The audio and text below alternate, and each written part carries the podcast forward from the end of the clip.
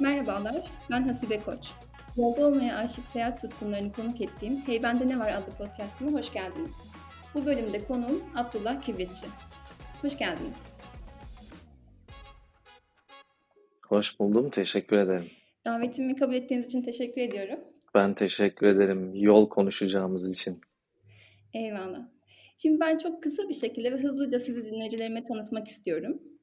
Şimdi şu anda e, karşımda gördüklerini aktarmak için çok sayıda ülkeye seyahat etmiş, çatışma, savaş ve afet bölgelerinde bulunmuş ve seyahatlerini Katmandu'ya Yol Arkadaşı Aranıyor adlı kitapta toplamış. Şimdilerde ise TRT'de belgesel ve sinema projeleriyle ilgilenen çok kıymetli birisi. Podcast'ın başında size mini bir pop quiz yapacağız.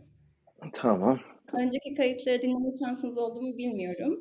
Oradaki soruların benzer sorular olacak ama bazılarını da size özel olarak değiştirdim. Tamam. Başlıyorum. İlk sorumuz. Tek kelimeyle sizin için seyahatin anlamı nedir? Ezber bozmak, alışkanlıkları değiştirmek. Peki tarihsel bilgiler mi, insan hikayeleri mi? Tabii ki insan hikayeleri. Onsuz gezemem dediğiniz bir eşya var mı? Nane yağı. Nane yağı. Evet. Nane yağı. Çöllerde yolculuk yaparsınız. Dağlarda yolculuk yaparsınız, Karakurum dağlarında. Hı hı. 4000 metrede yolculuk yaparsınız La Paz'da ve birilerinin midesi bulanır, başı ağrır. Aklı git çıkar, bir şeyler olur yani. Orada nane yağı bir insanlara ferahlık verir. Peki. Ee, bir şehrin gecesi mi, gündüzü mü? Ben her gittiğim yeri mutlaka bir de gece görmek isterim. O yüzden geceleri de çıkarım dışarı. Seyahatin bir kokusu olsaydı ne olurdu bu? Toprak ve çimen. Müze gezisi mi, sokakları adımlamak mı? Her zaman, daima arka sokaklar. Ee, tadı hala damağınızda kalan bir yemek, yiyecek var mı gittiğiniz yerlerde? Kamçatka'da yediğim aa, Özbek pilavları. Kamçatka'da yediğiniz Özbek pilavları. Evet. Son seyahatiniz nere nereydi? Son seyahatim Afganistan, Kandahar. Peki bundan sonra kesin gitmem lazım dediğiniz bir yer ya da yerler var mı? Her yer, dünyanın her yerine gitmem gerekiyor kesinlikle. Ama sırada şu an ne var? Herhalde Kuzey Amerika var. Öyle. Peki nereye tekrar tekrar gitmek isterdiniz? Daha önce gittiğim yerler çekiyor beni çoğunlukla. Burundi'ye tekrar tekrar gitmek isterim. Zanzibar'a, Kamçatka'ya. Sizi en çok etkileyen ülkeyi sorsam?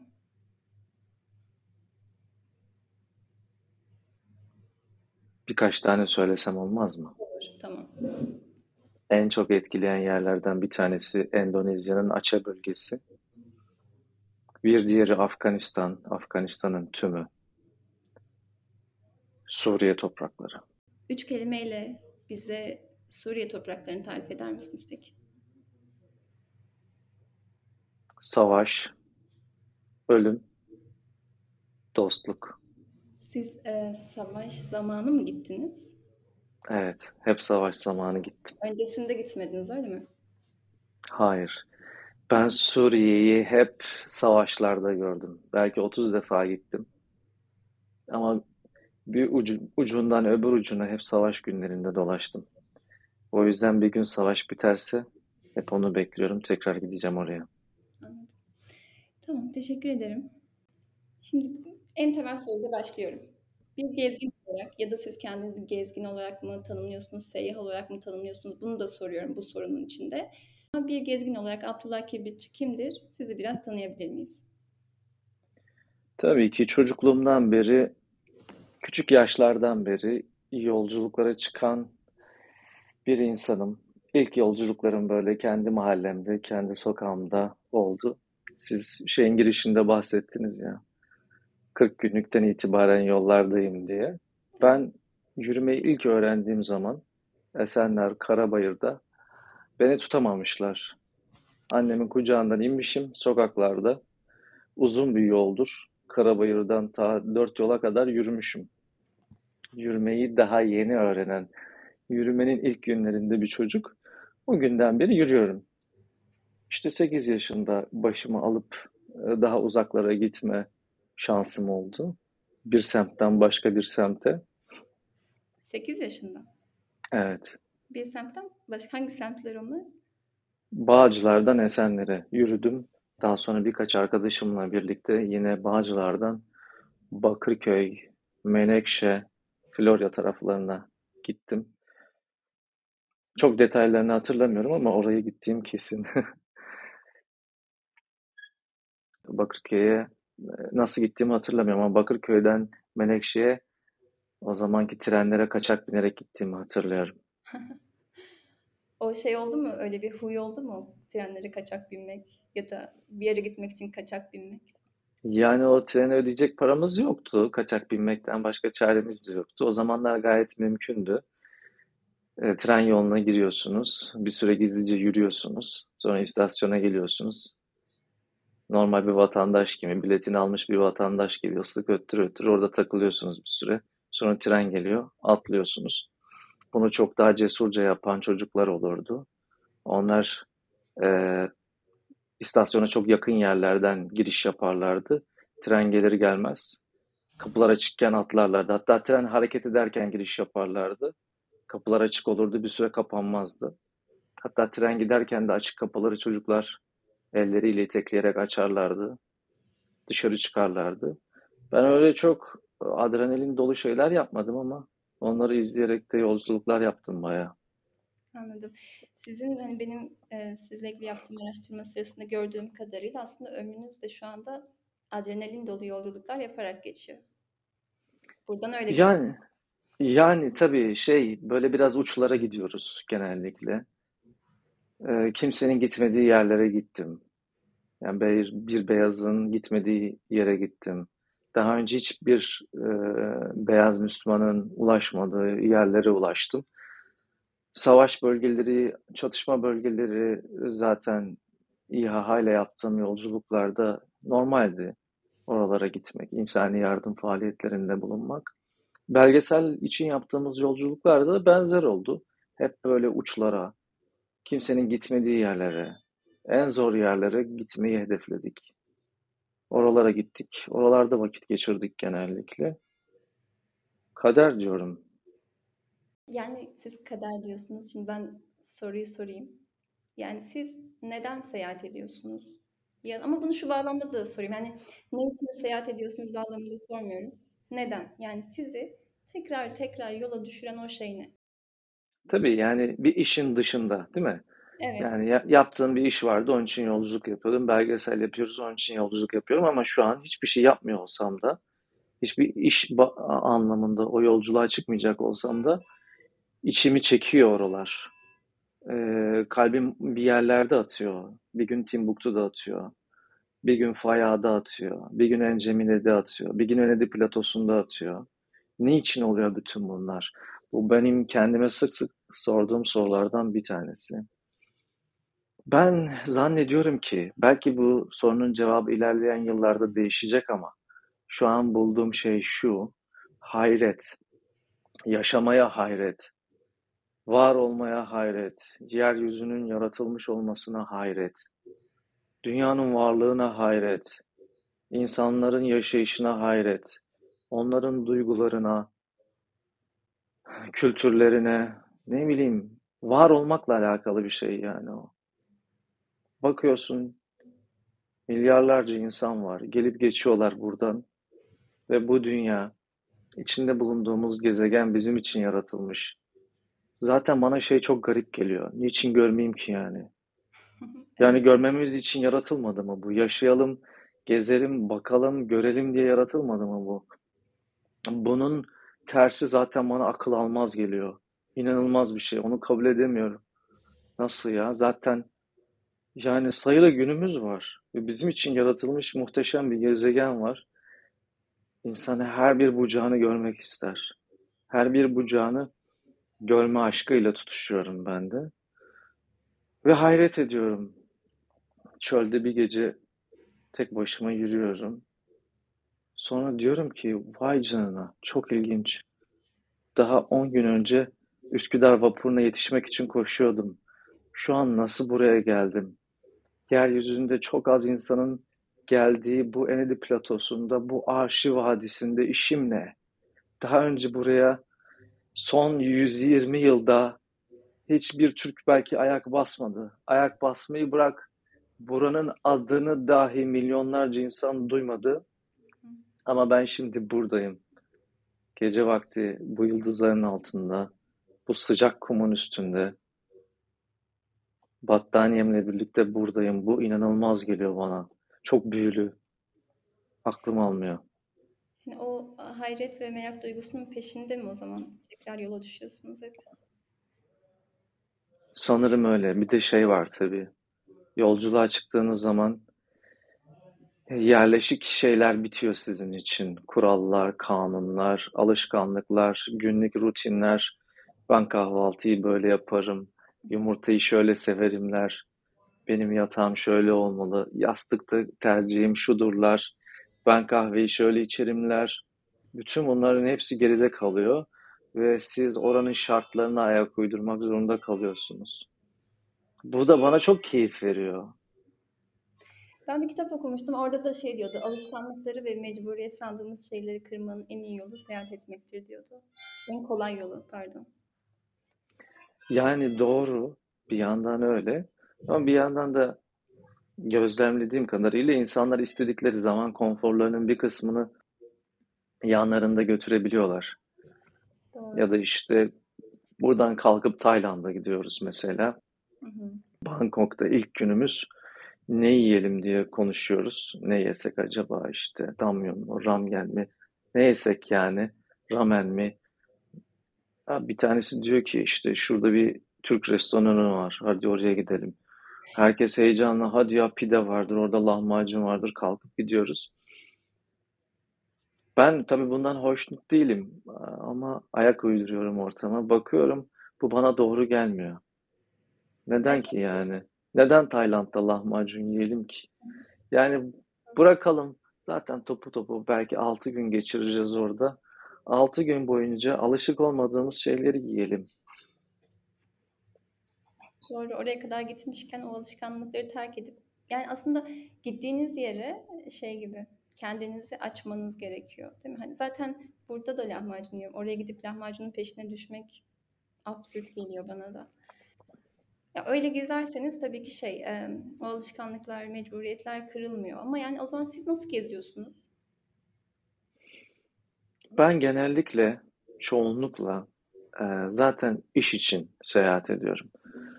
Şimdiye değin e, insani yardım faaliyetleri için seyahat ettim. Bir kısmından sonrası ise aile olmak belgeselinin çekimleri için seyahat ettim.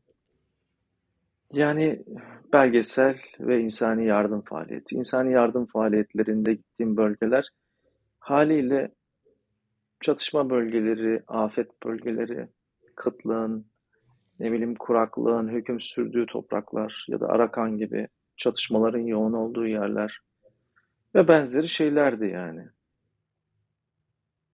Bundan dolayı onların hepsi şey olmak zorundaydı. Keyfe keder yerler değildi yani. Benim seçimim değildi çoğu. Belgesel için yaptığımız yolculuklarda da gideceğimiz yerleri biz seçtik. Orada da kendimize pek acımadık. En uçlara kadar gidelim. O haritada gördüğümüz pandemide bir yıl hiçbir yere gidemediğimiz zamanlarda haritalarda geziniyorduk. Böyle gece gündüz harita önümde açık. Sahra çölünde geziniyordum o günlerde. Yeni yerler keşfediyordum. Yeni noktalar. Şuradan şuraya Kufra'dan acaba Unyanga'ya gitmenin bir yolu var mıdır diye düşünüyordum. Libya'nın sonundan Sahra'nın en girilmez, e, en kimsenin geçmediği yerden geçip acaba Bilma'ya doğru 100 yıl önce kullanılan ticaret yollarını ben de geçebilir miyim diye düşünüyordum.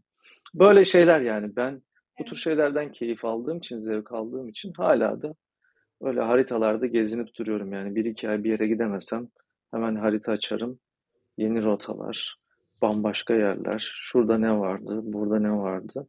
Oraların peşine düşüyorum. Soruyu unuttum, nereye geldim gördün mü? Hiç önemli değil. Ben de daldım açıkçası soruyu unuttum. Ama çok da önemli değil. Ee, şey ben de çok aynıyım. Yani birçok gezgin de galiba aynı zaten. Ben muhabbet ederken hep bunu fark ediyorum. Hani seyahat etmediğimiz zamanlarda bile önümüzde bir harita mutlaka açık oluyor. Ya da işte rota çizmeye çalışıyoruz. Hayal ediyoruz yani buraya gitsem, oradan sonra oraya mı gitsem, buraya mı gitsem, yok oradan şuraya dönsem. Ve yani sonra aslında şey başlıyor, bir hayal dünyasında bir seyahat başlıyor. Sonra da o gerçek oluyor. Ya bu çok böyle keyifli ve lezzet veren süreç oluyor gerçekten. Şeye döneyim, az önce o hayret duygusundan bahsettiniz ya. Yani siz çok böyle uç yerlere gitmişsiniz dediğiniz gibi kimsenin gitmediği yerlere gitmişsiniz, çöllerde günlerce seyahat etmişsiniz, farklı farklı insanların hikayelerine şahitlik etmişsiniz. Peki o, yani hayret hayret ama nereye kadar ve bunun yükünü yani duygusal olarak ya da manevi olarak o hayret duygusunun yükünü nasıl kaldırıyorsunuz? Ya da hani eve döndüğünüzde her şey böyle sessizleştiğinde o hayretle ne yapıyorsunuz? Onu çok merak ediyorum. Şey lafı var ya, ya bu hayretin elinden nereye gideceğim lafı. Onunla ne yapıyorsunuz? Nasıl başa başa başa çıkıyorsunuz o duyguyla? Ben hayretin nadir ve değerli bir nimet olduğunu düşünüyorum. Çünkü ona her zaman ulaşamıyorsunuz. Evet. U- ulaştığın yani yaşadığınız şeyi fark edemiyorsunuz. Fark ettiğiniz zaman bir hayrete dönüşüyor. Arşi Vadisi'nde, Enedi Platosu'nda, o ıssız düzlüklerde ne işin var burada sorusu birkaç gün öncesinde Üsküdar vapurunun peşinde koştuğun ve kaçırdığının hatırlanması. Bütün bunlar o anın farkındalığıyla alakalı. Bunu çoğu zaman yaşayamıyoruz. Yaşadığımız zamanları da ben zihnimde yaşatmaya çalışıyorum. Onu kendime kaydediyorum, içime kaydediyorum. O anla mutlu oluyorum. Böyle anlarda zaten siz de hissedersiniz, bilirsiniz. Zaman yarılıyor, mekan genişliyor. Sizin için sanki başka diyarlardan, göklerden sanki sizin için yeniden bir zaman yaratılıyor. Onun içine giriyorsunuz, değişik bir tünel. Birkaç saniye içerisinde çok uzaklardasınız. La Paz'dasınız. Copacabana'dasınız. Sucre'desiniz. Bilmiyorum bir yerlerdesiniz. Böyle zamanlar çok yani çok ilginç hikayeler dinledim ama bu hikayelerin dışında da böyle anların farkına olduğum zaman vardığım zamanlar oldu. Ben bir aracın içindeyim, araç gidiyor. Yanımda bir tane Sudanlı adam var, hasta, uyukluyor. Uyurken bazen devriliyor. İkimiz de arka koltuktayız. Devrildiği zaman omuzuma düşüyor. Sonra tekrar kalkıyor. Arabayı Kongolu bir tane adam sürüyor. Yol bozuk. Sürekli bütün dikkati yolda. Benim kulağımda yine kulaklıklar var. Hadi Zeydan'dan bir şarkı dinliyorum. İşte o Lübnanlı ama başka birisinin şarkısını remixlemiş. O da Filistinli. Ben de Türk'üm ama araba Ruanda'da hareket ediyor. Vay canına diyorum Ruanda'dayız. Ve bütün bunların farkına varmak bana şeyi hissettiriyor işte. O hayret duygusunu çok güçlü bir şekilde hissettiriyor.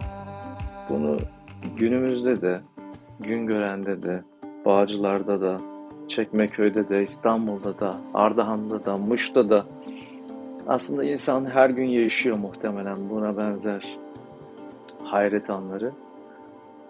Çoğu zaman farkına varmıyoruz. Bazen farkına varıyoruz. Az önce tasvir ettiğiniz o tablo çok e, sürreal bir tabloydu. yani yanınızda başka bir milletten insanlar oradasınız. İşte Filistinli bir şarkıcının şarkısı çalıyor, Lübnanlı birisi yorumlamış vesaire. Yani e, çok sürreal.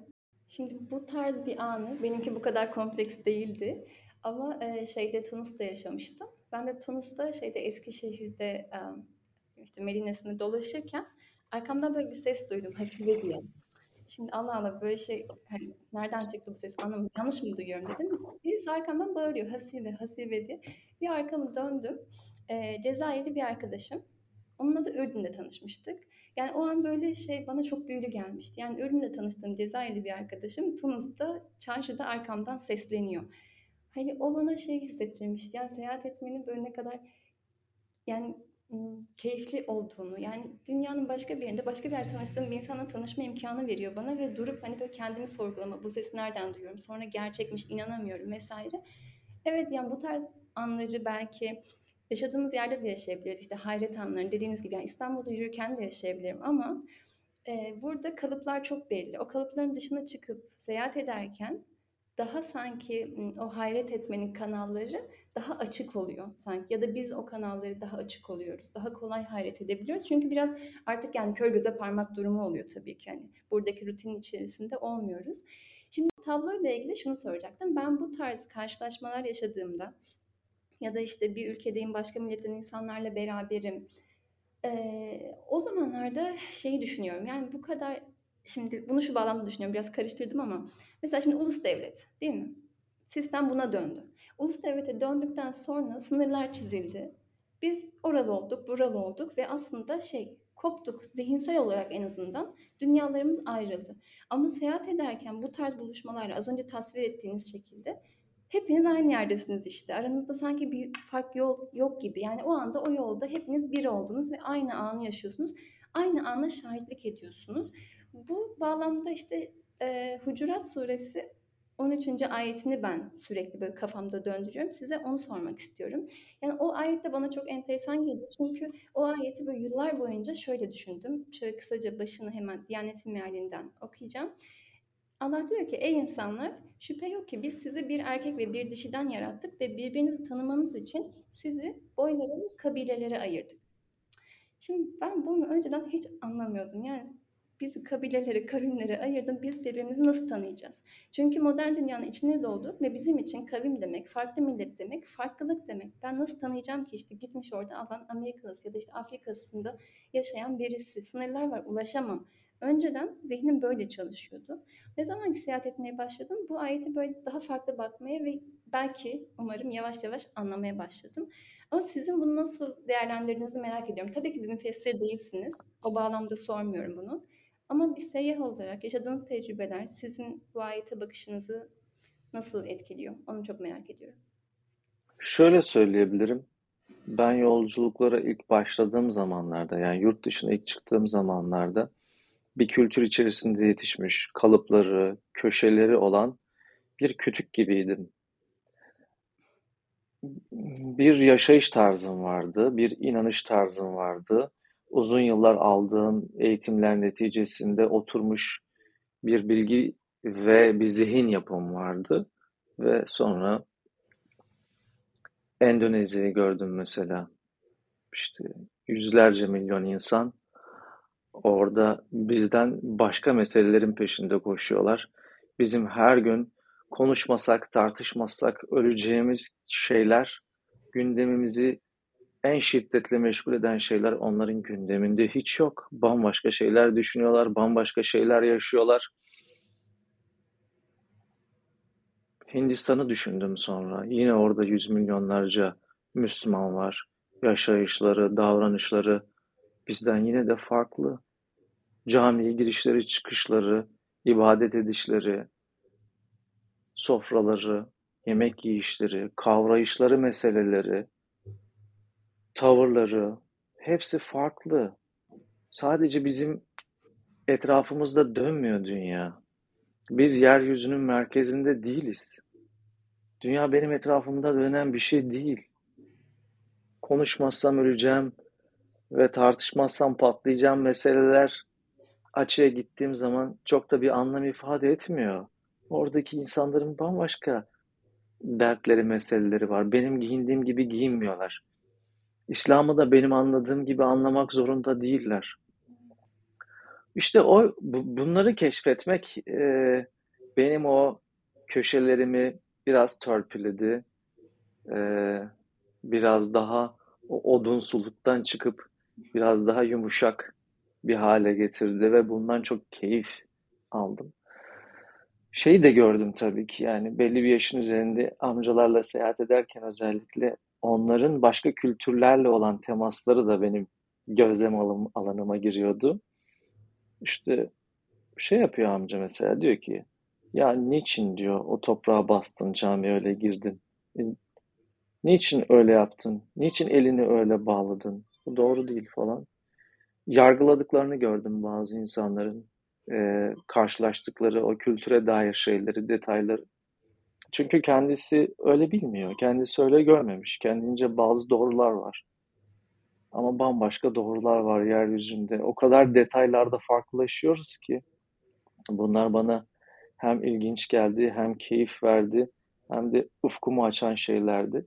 O yüzden belli bir süre sonra çok ciddi şey aldım, karar aldım. Ben hiçbir şekilde insanları, davranışlarını, kültürlerini yargılamadan kavramaya çalışacağım. Bunun için elimden geleni yapmaya çalıştım hep. Anladım. Yapabiliyor musunuz gerçekten hiç yargılamadan kabullenmeyi?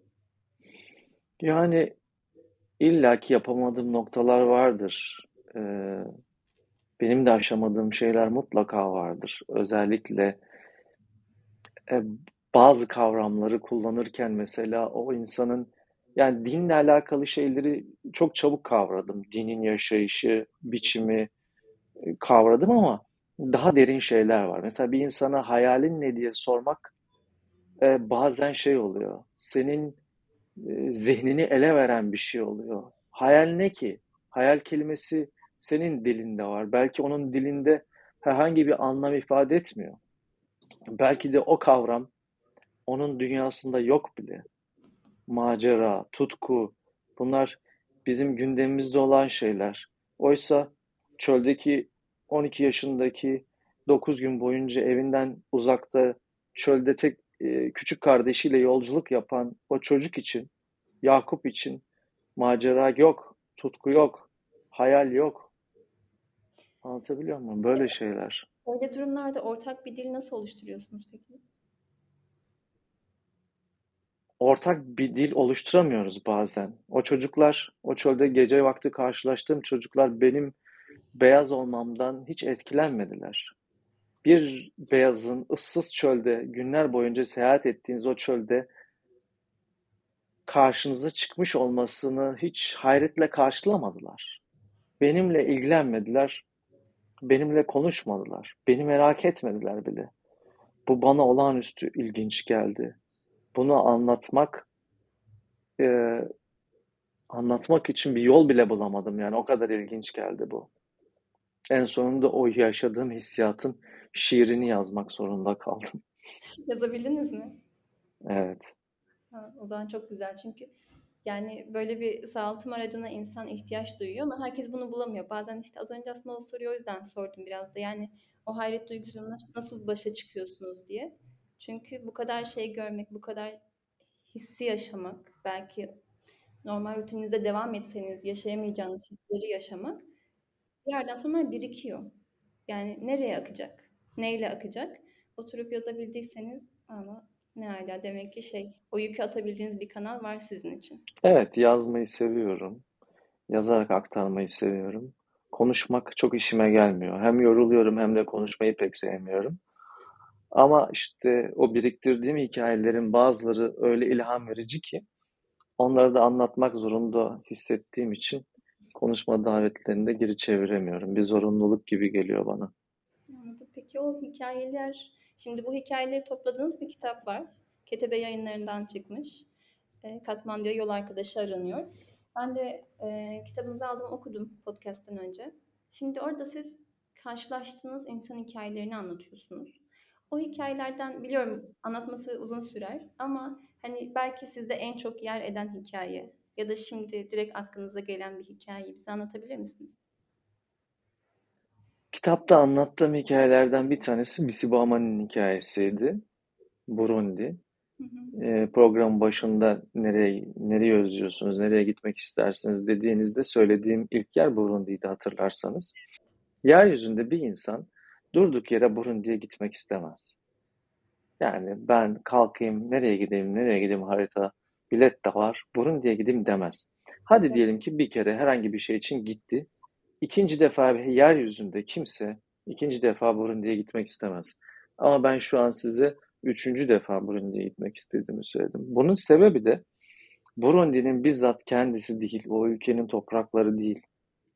Oradaki hikaye, o Bisibamani'nin hikayesi ve onunla birlikte oradaki 26 tane çocuğun, işitme engelli yetimlerin hikayesi. Onlarla olan dostluğumuz, arada sırada video gönderiyorlar bana mesela hala. Konuşamadıkları için işaret diliyle gönderiyorlar. Ee, işaret diliyle dertlerini anlatıyorlar. Benim onların işaret dilinde bir adım var. Ve bu ad saçlarımla tarif ediliyor. Yani şöyle bir şey işte. Şöyle yapıyorlar. Bu benim adım. İşte yol arkadaşım Faruk'un bir adı var. Onu da sakallarıyla tarif ediyorlar. Şöyle bir adı var onun. Yani bir adam geliyor çok uzak diyarlardan.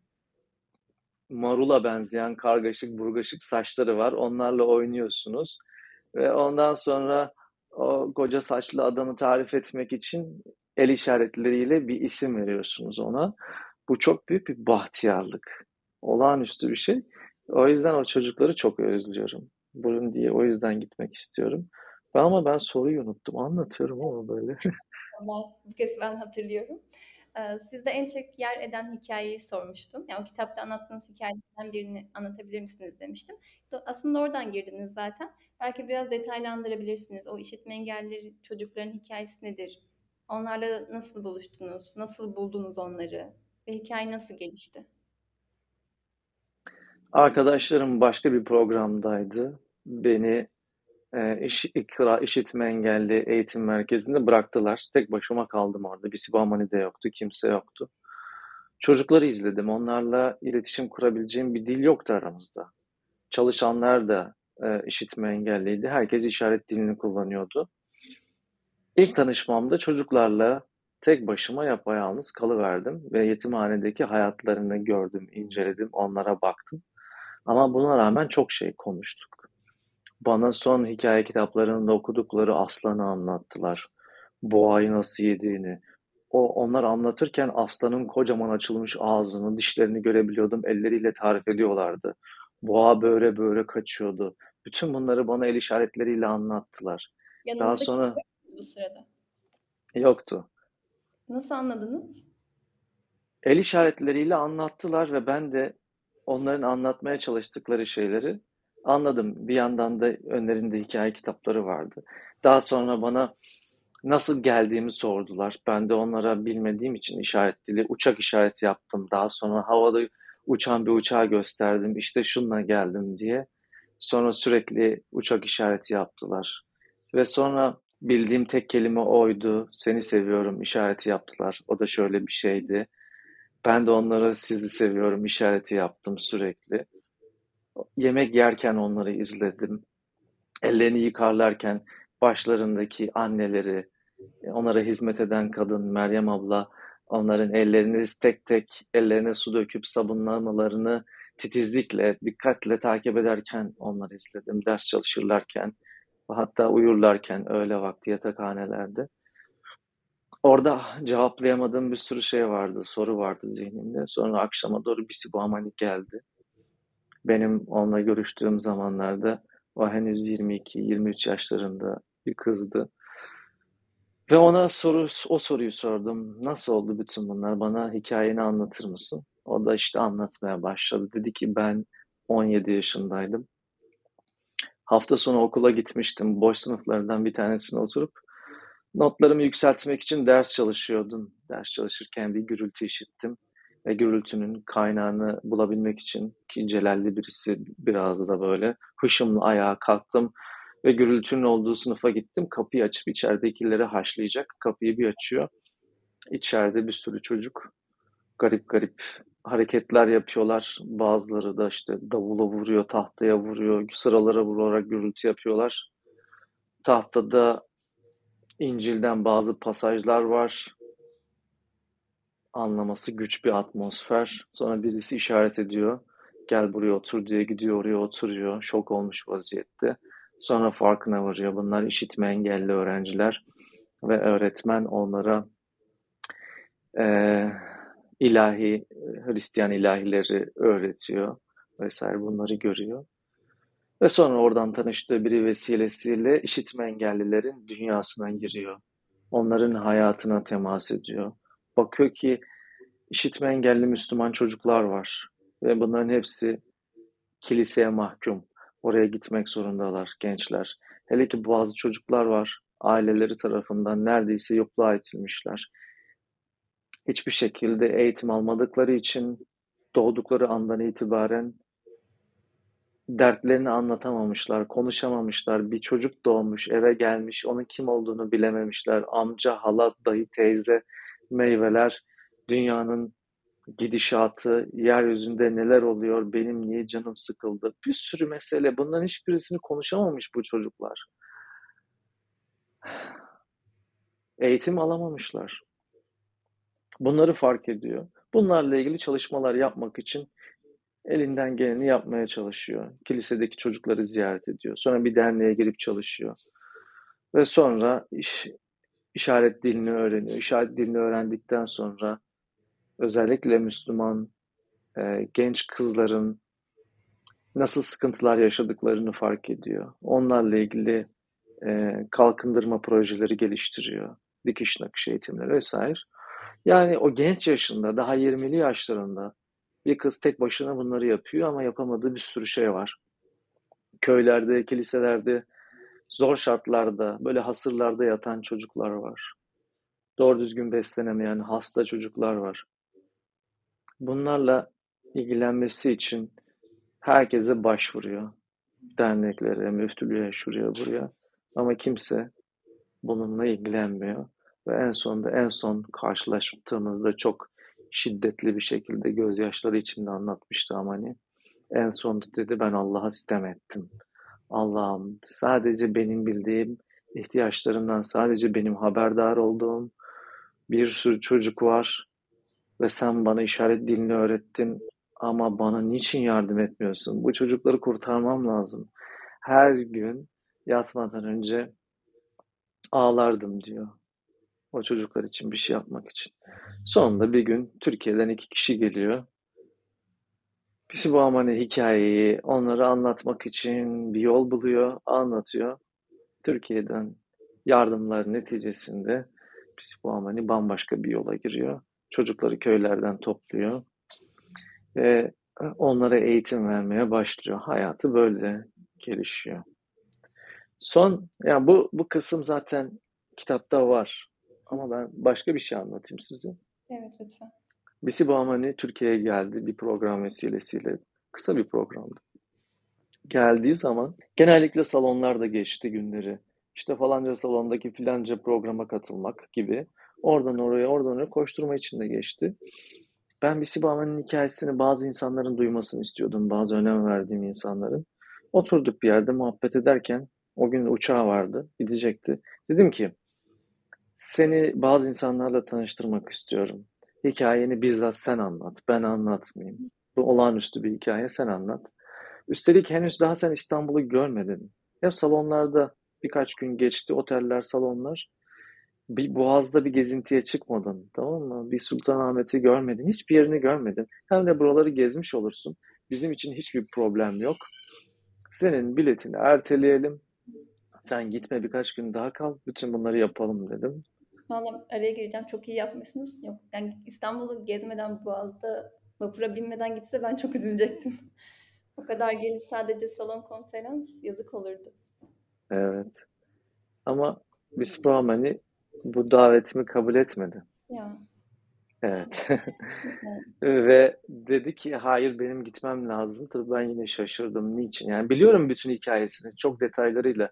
Kitapta anlatmadığım yönleri de var. Onları film için saklıyorum. Bir gün filmini çekerim diye.